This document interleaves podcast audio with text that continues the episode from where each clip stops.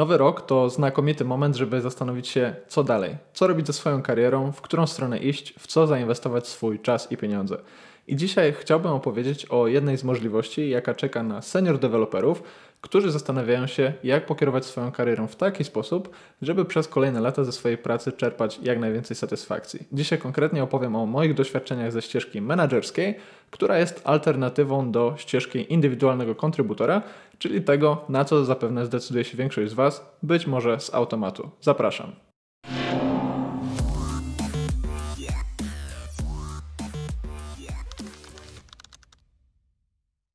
Na samym początku troszkę kontekstu. Dlaczego właściwie zdecydowałem się dzisiaj opowiedzieć o takim właśnie kierunku Twojego rozwoju? Ano dlatego, że gdzieś od około 2,5 roku mam przyjemność być na takiej ścieżce. Przede wszystkim zaczynając od stanowiska team leada, na którym pracowałem ponad rok. Tam musiałem znajdować odpowiedni balans pomiędzy obowiązkami programisty i kogoś w rodzaju początkującego menedżera. Następnie pracowałem jako lider techniczny, a teraz od 4 miesięcy jestem na stanowisku pełnoprawnego menedżera, co znaczy, że nie mam już do czynienia z kodem tak na co dzień, natomiast zajmuję się bardziej tym, żebyśmy jako zespół wzrastali, żebyśmy byli gotowi na kolejne wyzwania, żebyśmy rozwiązywali kolejne problemy, żebyśmy pracowali efektywnie i żebyśmy byli w stanie iść we właściwym kierunku. No i pytanie właściwie, czy jest to ścieżka dla Ciebie? Czym właściwie zajmuje się taki menadżer? Czy są to obowiązki, które zrównoważą Ci to Twoje przyzwyczajenie do pisania kodu? No, takie powszechne wyobrażenie stanowiska menadżera, czy też kierownika, jak to się czasami nazywa, jest takie, że taka osoba po prostu rozstawia ludzi po kątach i myślę, że w dzisiejszym świecie IT absolutnie nie ma już miejsca na takie podejście, na takie podejście command and control, gdzie po prostu wydajemy kolejne polecenia i liczymy na to, że nasi w cudzysłowie, w wielkim cudzysłowie podwładni będą te polecenia realizować. To nie jest wojsko, to nie jest też sytuacja, w której mamy trzy firmy na rynku, nasi programiści mają mnóstwo alternatyw, więc gdybyśmy zaczęli stosować takie podejście do zespołów, które prowadzimy, szybko okazałoby się, że w naszym zespole zostaliśmy sami. No więc pytanie na samym początku, czym zajmuje się taki menedżer i czy jest to coś, co zainteresuje również Ciebie. Żebyśmy dobrze zrozumieli obowiązki współczesnego menedżera, musimy sobie wprowadzić pewną gradację, tak jak gradację wprowadzamy na ścieżce indywidualnego kontrybutora. Tam wiemy o istnieniu takich stanowisk jak junior developer, mid, regular, senior, staff albo principal, i podobną gradację możemy sobie wprowadzić na ścieżce menedżerskiej. I tutaj zazwyczaj rozpoczynamy od stanowiska team leada, czyli osoby, która nie przestaje programować, jest wciąż aktywnym kontrybutorem, ale zaczyna się zajmować zespołem. Co to znaczy? Ano znaczy mniej więcej to, że w pewnym sensie podnosi troszkę nos z nad klawiatury i zaczyna się interesować tym, czy całościowo pracujemy nad właściwymi problemami, czy wiemy, co mamy robić, czy mamy odpowiedni kontakt z poszczególnymi stakeholderami, czy tak zwanymi interesariuszami, którzy są wokół naszego zespołu, co przygotowuje go do właśnie stanowiska menadżera. Kolejnym krokiem na tej ścieżce jest stanowisko menadżera, czy też takiego line managera, osoby, która ma pod sobą zazwyczaj jeden lub dwa lub powiedzmy trzy zespoły, ale to już w takich przypadkach powiedzmy bardziej skrajnych. I tutaj już przestajemy kodować. Zaczynamy się zajmować zespołem, ale w takim sensie, że e, zajmujemy się osiąganiem konkretnych celów biznesowych poprzez wykorzystanie tej dźwigni, jaką jest programowanie. W tym sensie nasza praca polega na tym, żeby zespół realizował ważne projekty, żeby rozwiązywał ważne problemy, żeby miał odpowiedni kontekst, żeby był odpowiednio zmotywowany i żeby wszystkie te bieżące wyzwania, które pojawiają się przed takim zespołem, w pewnym sensie albo rozwiązywać, albo przynajmniej utrzymywać pod kontrolą, bo rozwiązywanie też nie zawsze jest możliwe. Następnie, jeśli na tym etapie sprawdzimy się dobrze, to możemy być wypromowani do stanowiska senior managera, jakiegoś starszego menadżera, który pod sobą ma już innych menadżerów, jego zespołem są inni menadżerowie. Ja na tym etapie jeszcze nie byłem. Z tego co wiem, jest to praca zupełnie inna, jest to praca, która może się wydawać zupełnie innym stanowiskiem, no bo wtedy nie mamy już wpływu na tą bieżącą pracę programistów, i musimy w pewnym sensie zbudować sobie taki model współpracy, żeby z jednej strony nie być takim mikromanagerem, który chce wiedzieć wszystko, ale z drugiej strony osiągać odpowiednie rezultaty poprzez pracę tych zespołów, które są e, w naszym zasięgu. Następnie, jeśli na tym stanowisku senior managera sprawujemy się odpowiednio dobrze, to czekają na nas takie stanowiska jak chociażby Director of Engineering czy VP of Engineering, co oznacza, że naszą odpowiedzialnością jest już cały duży fragment organizacji, która właśnie zajmuje się technologią. No i na tych stanowiskach, żeby się dowiedzieć czegoś więcej, możecie na przykład posłuchać e, mojej rozmowy z Michałem Nowakiem ze Smart Recruiters, którą znajdziecie na kanale Przeprogramowanie Live i tam właśnie Michał jako Director of Engineering opowiada o tym, jak wygląda jego praca, co wchodzi w zakres jego odpowiedzialności i z jakimi wyzwaniami musi się mierzyć. Wchodząc teraz nieco bardziej w szczegóły, chciałbym Ci opowiedzieć, jak zrozumieć to, co właściwie należy do obowiązków menadżera, a myślę, że dość łatwo można to zrozumieć, zadając sobie kolejne pytania. Przede wszystkim takim pytaniem, które ja zadałem sobie na początku pracy z moim zespołem, było pytanie, czy my właściwie wiemy, co mamy robić.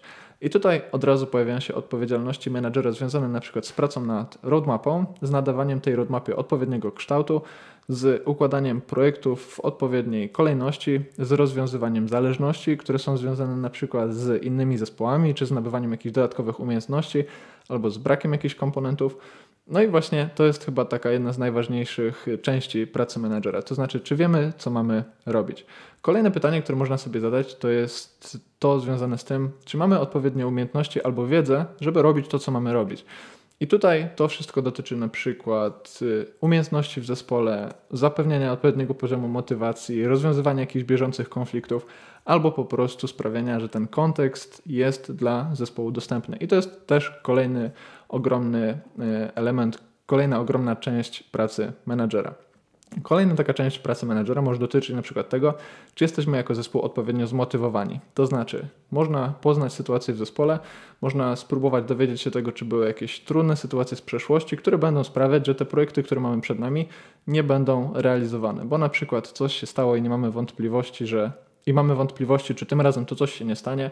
Mamy jakieś e, zadry, mamy jakieś e, braki w wiedzy, mamy jakieś sytuacje wewnętrzne, jakieś konflikty, które zostały nierozwiązane i to wszystko wpływa na taką całościową motywację. To znaczy, wiemy już, co mamy robić, mamy odpowiednie narzędzia, mamy odpowiednie umiejętności, ale nie jesteśmy do tego odpowiednio zmotywowani. Właśnie na przykład poprzez jakieś konflikty, poprzez jakieś wątpliwości, poprzez jakieś braki komunikacji, braki wiedzy. I to też jest część pracy menadżera, żeby tym wszystkim zarządzać, żeby tymi wszystkimi sytuacjami się zająć, a przynajmniej zająć się, zająć się tymi, które są naprawdę ważne i których rozwiązanie pomoże Ci wnosić do organizacji jakieś ważne rezultaty. Na takim poziomie indywidualnym kolejną ogromną częścią pracy menedżera jest również praca z indywidualnymi programistami, z indywidualnymi kontrybutorami, składowymi tego zespołu. I tutaj Twoja praca może na przykład dotyczyć planowania kariery, motywowania poszczególnych członków zespołu, mentoringu, dzielenia się wiedzą, wszystkiego tego, co pomoże im rosnąć. Oczywiście, w zależności od sytuacji w zespole, niektóre osoby będą w stanie uczyć się czegoś dodatkowego, na przykład po godzinach, natomiast dla innych może to być trudne. No i odpowiedzialnością menedżera jest taka organizacja pracy wewnętrznej, pracy w zespole, żeby wszystkie te osoby z kolejnych realizowanych projektów mogły wyciągać tak dużo jak się da. I to może dotyczyć na przykład przypisywania wybranych osób do poszczególnych fragmentów projektu, albo delegowania jakichś odpowiedzialności do konkretnych osób, albo na przykład E, stawianie jakichś konkretnych wyzwań przed tymi e, osobami, albo na przykład zadawanie jakichś konkretnych pytań tym osobom, czyli wszystkiego tego, co zmotywuje ich do rozwoju. W zależności od firmy, taki rozwój indywidualnych kontrybutorów może być jakoś szczegółowo opisany albo nie. Jeśli nie jest, to odpowiedzialnością menadżera będzie również zaprojektowanie jakiegoś takiego systemu wewnątrz zespołu, który sprawi, że poszczególni jego członkowie będą się rozwijać. Myślę, że wielu menadżerów zgodzi się również, że trudno tutaj o jakąś jedną prostą definicję tego, czym zajmuje się menadżer, ponieważ bardzo to wszystko zależy od kontekstu wokół niego. To znaczy, zespół może być albo bardziej lub mniej rozwinięty, wiedza w zespole może być lepiej albo gorzej przekazywana, jakieś zaszłości z przeszłości, jakichś konfliktów może być więcej albo mniej.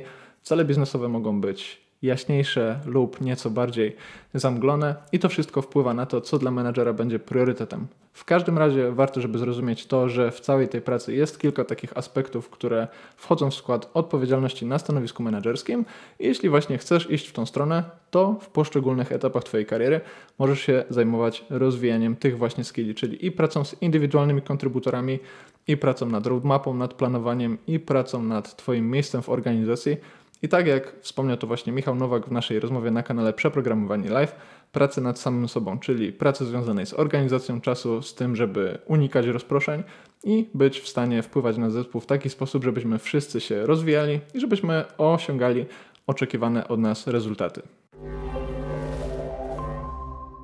No i teraz w momencie, kiedy nagrywam ten film, to coś mi mówi, że wielu z Was mówi już, mm, nie ma szans, żebym ja się w coś takiego zaangażował, to jest totalnie nie dla mnie, pozostanę na tej ścieżce indywidualnego kontrybutora, będę się zajmował programowaniem, nie, bo nie. I teraz chciałbym troszkę odpakować te wszystkie wątpliwości i pokazać Wam, że można się jednak przekonać do tego stanowiska.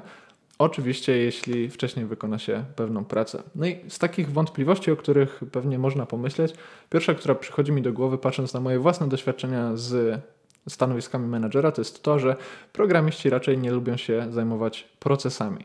No i tutaj ważne jest to, żeby pamiętać, że nawet w zespołach, w których rzekomo nie ma procesów, te procesy zazwyczaj są. Tyle, że są po prostu nieformalne, są gdzieś schowane głęboko pod ziemią, mają o nich wiedzę na przykład najbardziej doświadczeni członkowie zespołu, i nie ma zazwyczaj sytuacji, gdzie zespół to jest po prostu zbiór takich wolnych elektronów. Zawsze jest jakieś podejście do rozwiązania problemu, zawsze jest jakiś sposób rozwiązania problemu, zawsze jest jakiś sposób na na przykład kontrybucję do repozytorium, zawsze jest jakiś sposób na to, żeby wspólnie ze sobą pracować, żeby przygotowywać się do projektów, tylko bardzo często jest to nieformalne. Ty jako menadżer możesz się zająć wyciąganiem tego wszystkiego na powierzchnię, i takim projektowaniem procesów, które tak jak powiedziałem zawsze są, żeby były one efektywne, żeby one pomagały, a nie przeszkadzały, biorąc pod uwagę to, gdzie jesteście jako zespół, jakich ludzi macie w środku albo jakie doświadczenie w ogóle właśnie macie. Po drugie, Kolejna taka wątpliwość to jest to, że programiści często mówią, że nie lubią się bawić w politykę, nie lubią się bawić w negocjacje, nie lubią się bawić w hierarchię. No i tutaj znowu, to wszystko to jest kwestia odpowiedniego spojrzenia. Wydaje mi się, że powyżej stanowiska seniora trudno jest na przykład uciec od negocjowania. Trudno jest uciec od tego, że będziesz musiał wpływać na programistów wokół ciebie albo przekonywać ich do swoich pomysłów i będzie również przed tobą potrzeba nabycia bardzo podobnych umiejętności, które powinien nabyć menadżer. Jeśli chodzi o politykę, to tutaj znowu zależy to wszystko od twoich priorytetów, zależy to od priorytetów w organizacji. Mm, to nie jest tak, że w politykę natychmiast musisz się angażować i tylko dlatego, że zostałeś menadżerem. Są osoby, które czerpią przyjemność z tego, żeby gdzieś tam tej władzy wokół siebie jak najwięcej gromadzić, które cieszą się statusem, ale są osoby, które chcą się po prostu skupiać na tym, żeby zespół czy dany fragment organizacji dowoził. No i znowu, myślę, że nie taki diabeł straszny, jak go malują. Myślę, że tą, tę politykę można jakoś kontrolować i to nie musi być podstawa Twojej pracy. Kolejna taka rzecz, e, co do której programiści mają wątpliwości, to jest Excel. Ja chcę programować, ja nie chcę siedzieć w Excelu, ja nie chcę się bawić tabelkami. No i tutaj znowu, jeśli masz narzędzia, które pomagają ci patrzeć z lotu ptaka na to, w którą stronę idzie zespół, jeśli ma, masz narzędzia, które pomogą ci e, być na bieżąco z potrzebami poszczególnych członków tego zespołu albo z potrzebami osób, które wchodzą w interakcję z tym zespołem, to ten Excel to jest tak naprawdę detal. Grunt to zorganizować sobie to wszystko i nauczyć się tym wszystkim zarządzać. Oczywiście Excel to jest takie pierwsze narzędzie, o którym myślimy, kiedy mówimy o stanowisku menadżera, bo faktycznie z tego Excela się często korzysta, jeśli chodzi o przygotowywanie raportów czy wizualizację roadmap. Natomiast znowu nie taki diabeł straszny, jak go malują. Są narzędzia, które są dobrymi alternatywami do Excela i to wszystko możesz sobie poukładać. To jest trochę tak jak w zawodzie programisty. Nie ma jednego standardu, żeby skonfigurować swoje środowisko programistyczne i tak samo nie ma jednego standardu, żebyś był efektywnym menadżerem. Jeśli Excel jest czymś, co wykorzystujesz, to spoko, a jeśli nie, to możesz korzystać z alternatyw, bo naprawdę żaden szef Nikt z góry nie zapyta cię o to, czy akurat z Excela korzystasz. Grunt, żeby zespół, z którym pracujesz, osiągał odpowiednie rezultaty, żebyście wszyscy razem szli w dobrą stronę, żeby zespół się rozwijał i to jest klucz tego stanowiska, a nie Excel i tabelki. Kolejna taka rzecz, która jest często wyzwaniem dla programistów, to jest niestety tęsknota za kodem. No i właśnie to takie poczucie tej natychmiastowej gratyfikacji. Będąc programistą, pamiętałem, jak stosunkowo łatwo było się naładować hormonami szczęścia, kiedy testy przechodziły, build przechodził, wychodziliśmy na produkcję i to wszystko było namacalne. W stanowiskach menedżerskich, na ścieżce menedżerskiej niestety ta gratyfikacja jest odroczona i powiedziałbym, że trzeba się z tym pogodzić. Niestety taka y, sytuacja, w której to chcesz być pół programistą, a pół menadżerem, nie jest niestety optymalna, bo nie będziesz ani dobrym programistą, ani dobrym menadżerem. Więc warto jest przynajmniej na ten okres, kiedy decydujesz się wejść na tą ścieżkę, jednak poświęcić się tej pracy menadżera, zobaczyć na czym ta praca polega, zdobyć kilka nowych umiejętności, i, i w, pewnym spo, w, pewien, w pewien sposób próbować sobie e, wynagrodzić ten brak kodu. Jest to niestety konieczne, bo tych nowości na stanowisku menedżera jest tak dużo, że moim zdaniem przynajmniej, ale też wielu innych osób na tych stanowiskach nie sposób być jedną nogą w tym starym świecie, a drugą nogą w tym nowym świecie. No i ostatnia z takich wątpliwości, którą również wielu programistów ma, to jest taki bilet w jedną stronę. I tutaj, żeby rozwiać te wątpliwości, polecam Ci jeden z artykułów, który linkuję w opisie tego filmu, a mianowicie Manager Programmer Pendulum, czyli takie wahadło, które również możesz stosować w swojej karierze. To nie jest tak, że po wejściu na ścieżkę menedżerską nie ma już dla Ciebie odwrotu i nigdy nie będziesz pisał kodu, bo powiedzmy sobie szczerze, tak naprawdę zależy to od Ciebie i od nikogo innego. Więc ważne jest, żeby w danym momencie robić jedno, to znaczy być albo efektywnym programistą, albo efektywnym, rozwijającym się menedżerem. Natomiast nie znaczy to, że nie może być na Twojej e, ścieżce ogólnie pracowniczej etapów, kiedy raz chcesz się zgłębić e, w jeden świat, a dwa, chcesz się zgłębić w drugi świat. Także pamiętaj, że jest sporo takich wątpliwości, które można rozwiać. Oczywiście na początku jest duży taki okres burzy i naporu, kiedy dużo się dzieje, kiedy jest dużo zmian, kiedy jest y, większa presja, ale to naprawdę może być coś, co będzie Ci przynosiło satysfakcję. No, oczywiście nie byłoby też takiego odcinka bez zmierzenia się z jednym z dość istotnych tematów, a mianowicie z tematem wynagrodzenia. I teraz chciałbym, żebyśmy spojrzeli na dostępne na rynku dane, które opowiedzą, czy to się właściwie opłaca. I najpierw rynek zagraniczny. Tutaj wykorzystałem Stack Overflow Developer Survey, które pokazało, że stanowisko Engineering Managera to jest jedno z najlepiej wynagradzanych stanowisk w całej branży IT. Według tego raportu, który podaje Stack Overflow, który mam właśnie przed sobą, jest to nawet czasami lepiej wynagradzane stanowisko niż e, Senior Executives, ale to jest oczywiście związane z tym, że Senior Executives, jakiś, jakiś C-suite, jakiś VP mogą mieć wynagrodzenie realizowane poprzez udziały w firmie. Także tutaj ta podstawowe wynagrodzenie może być troszkę niższe, natomiast te stanowiska wyżej mogą mieć oczywiście udziały, których menadżerowie czasami mogą po prostu nie mieć. Natomiast jeśli chodzi o relacje menadżera do innych stanowisk, to tutaj te korzyści akurat widać. W przypadku engineering managera Stack Overflow podaje, że to jest 95 tysięcy dolarów rocznie. Pamiętajmy rynek amerykański. Natomiast jeśli chodzi na przykład o full stack dewelopera, to mamy tu 56 tysięcy dolarów rocznie, więc ta różnica jest dość istotna i można powiedzieć, że na rynku amerykańskim to się na pewno opłaca. Co z Polską? Tutaj postanowiłem zrobić krótki przegląd widełek, które pojawiają się na polskich jobboardach. I tak jak teraz widzicie, na przykład jeśli chodzi o stanowisko Engineering Managera w Brainly, to można się spodziewać wynagrodzenia od 18 do 26 tysięcy złotych brutto. Jeśli chodzi o Virtus Lab, mamy tutaj Cloud Engineering Managera 23 do 29 tysięcy złotych brutto, w Precisely w Bielsku Białej 17 do 22 500 i w Beekeeperze w Krakowie 19 do 26 500. Czy są to stawki, których nie znajdziecie na ścieżce indywidualnego kontrybutora? Nie są to stawki, których nie znajdziecie na stanowisku indywidualnego kontrybutora, bo często staff, engineerowie i principale zarabiają dość podobnie, jednak warto mieć na uwadze, że na tych stanowiskach menedżerskich to wynagrodzenie jest naprawdę jak na nasze warunki bardzo dobre i jest to coś, co w pewnym sensie wynagradza ten trud przechodzenia programistów w te zupełnie nowe realia. Więc czy to się opłaca? Tak, opłaca się, czy będziesz miał z tego satysfakcję, to już zależy od Ciebie. Jeśli natomiast jesteś ciekawy, gdzie szukać materiałów, które pomogą Ci lepiej zrozumieć tą ścieżkę menedżerską, to tutaj polecałbym Ci takie trzy książki. Pierwszą będzie książka Camille Fournier, The Manager's Path, która jest bardzo dobrym opisem całej ścieżki menedżerskiej z rozbiciem jej na poszczególne stanowiska. Camille, autorka tej książki, opowiada, czym właśnie charakteryzuje się praca team leada, managera, senior managera, directora of engineering, VP of engineering i nawet CTO, dzięki czemu możesz w szczegółach przejść poprzez poszczególne etapy tej ścieżki i zrozumieć konkretne odpowiedzialności i wymagania względem Ciebie. Druga taka książka, książka, którą przeczytałem jeszcze w grudniu zeszłego roku, to jest Managing Humans od Michaela Lopa. To jest taki zbiór anegdot związanych z prowadzeniem zespołów programistycznych, które jednak dobrze pokazują, z czym wiąże się praca menadżera. Czasami są to wyzwania satysfakcjonujące, czasami są to wyzwania śmieszne, czasami straszne, ale to wszystko wchodzi w skład ścieżki menedżerskiej i na to wszystko trzeba być przygotowanym.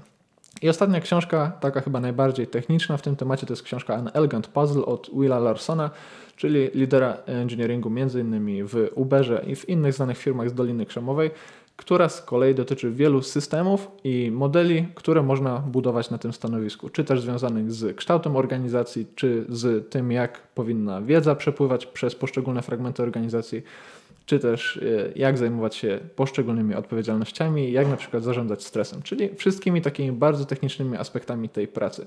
Takie trzy zasoby, które polecam na sam koniec. Jeśli chcecie zgłębić ten temat, to również polecam tutaj rozmowę z Michałem Nowakiem ze Smart Recruiters, którą znajdziecie na kanale Przeprogramowani Live. A jeśli chcecie na tym kanale więcej filmów na ten temat, to dajcie łapkę w górę, subskrybujcie ten kanał i napiszcie w komentarzach, czego jeszcze nie wiecie, a w jaki sposób mógłbym Wam pomóc. Ode mnie to wszystko, to był Przemek i Przeprogramowani. Do następnego. Cześć.